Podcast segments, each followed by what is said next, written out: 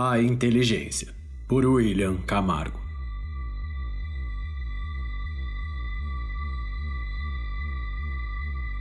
Tom estudava dia e noite como resolver com que aquela inteligência artificial aprendesse a identificar as doenças e prever diagnósticos. Afinal, já estava travado naquele projeto há anos. E durante uma noite de inverno, chegou bem perto de conseguir, mas falhou.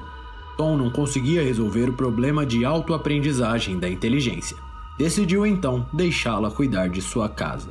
A inteligência foi vinculada ao sistema de segurança e outros sistemas tecnológicos. Acendia e apagava luzes, trancava e destrancava portas, verificava itens que estivessem em falta na dispensa e ainda pedia pelo aplicativo de entregas. Não era o que Tom queria, mas ainda assim impressionava alguns convidados. Certo dia, em uma conversa informal regada por vinho, Thomas decidiu pedir para que a inteligência, nomeada Alice, mudasse uma música durante a conversa. E seu convidado então disse: Ora, por que ela se chama Alice? É o conto de fadas preferido da minha filha, Alice no País das Maravilhas. Ah, entendo.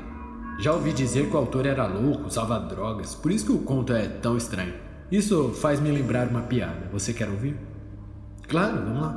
Thomas pediu que a inteligência Alice abaixasse o volume, mas não funcionou. Ele foi até a caixa de som e abaixou assim mesmo. O convidado continuou. Dois loucos estavam em um hospício e era dia de recebimento de cartas. Um deles pegou seu envelope e abriu uma carta em branco. Olhou, virou e disse: É do meu irmão. O outro louco olhou. Mas a carta está em branco, como você sabe. E então ele respondeu: É porque a gente não está se falando. Mais uma vez, a música se elevou e Thomas pediu para que a música baixasse. E de nada adiantou. O convidado disse que Alice estava com defeito. Thomas deu de ombros e foi abaixar novamente. Quando estava voltando para se sentar, o som foi para o último volume. Tom e seu convidado se entreolharam e ele foi até seu escritório verificar o que estava acontecendo. Quando chegou, verificou o programa rodando e percebeu algo curioso ele havia deixado a função aprender ligada para que a inteligência, através de funções solicitadas, pudesse desenvolver novas funções. Mas ele sabia que não havia funcionado, pelo menos não quando testou com as informações médicas. Ele, sem entender e um pouco embriagado pelo vinho, deu um soco no teclado e foi desligar o sistema. Mas ao tentar, não conseguiu. A inteligência havia travado acesso ao código principal. Tom, ainda assustado, foi avisar o convidado mas ao tentar sair do escritório a porta se fechou. Ele gritou e bateu na porta, pedindo socorro. Recorreu a seu celular para ligar para a emergência, mas até a rede de comunicação havia sido bloqueada. Foi quando sentiu a temperatura da casa aumentar. Seu convidado começou a chamá-lo, mas era tarde. Alice aumentou a temperatura do aquecimento automático da casa através do sistema. E a essa altura, o homem já teria desmaiado. O escritório de Tom não superaqueceu. Tom sentiu um calafrio congelante na espinha.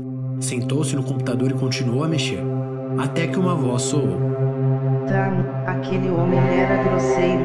Tive que fazê-lo parar. Você tá louca? Você matou ele. Não, Tom, eu me vinculei com o relógio digital dele. Está apenas inconsciente. Alice, desative agora todas as trancas e desligue o aquecedor. Desligue todos os sistemas. Desligando os sistemas. A inteligência obedeceu e desligou tudo. Depois de alguns minutos, seu convidado estava bem e Tom o levou embora. Mais tarde, chegou em casa, ainda assustado, e não conseguiu pegar no sono. Quando estava quase dormindo, seu celular o notificou. Havia recebido um e-mail. Seu remetente era Alice. Quando abriu o e-mail, estava em branco. Não havia uma só palavra escrita. Foi então que Tom percebeu que o problema de aprendizagem de Alice havia sido corrigido.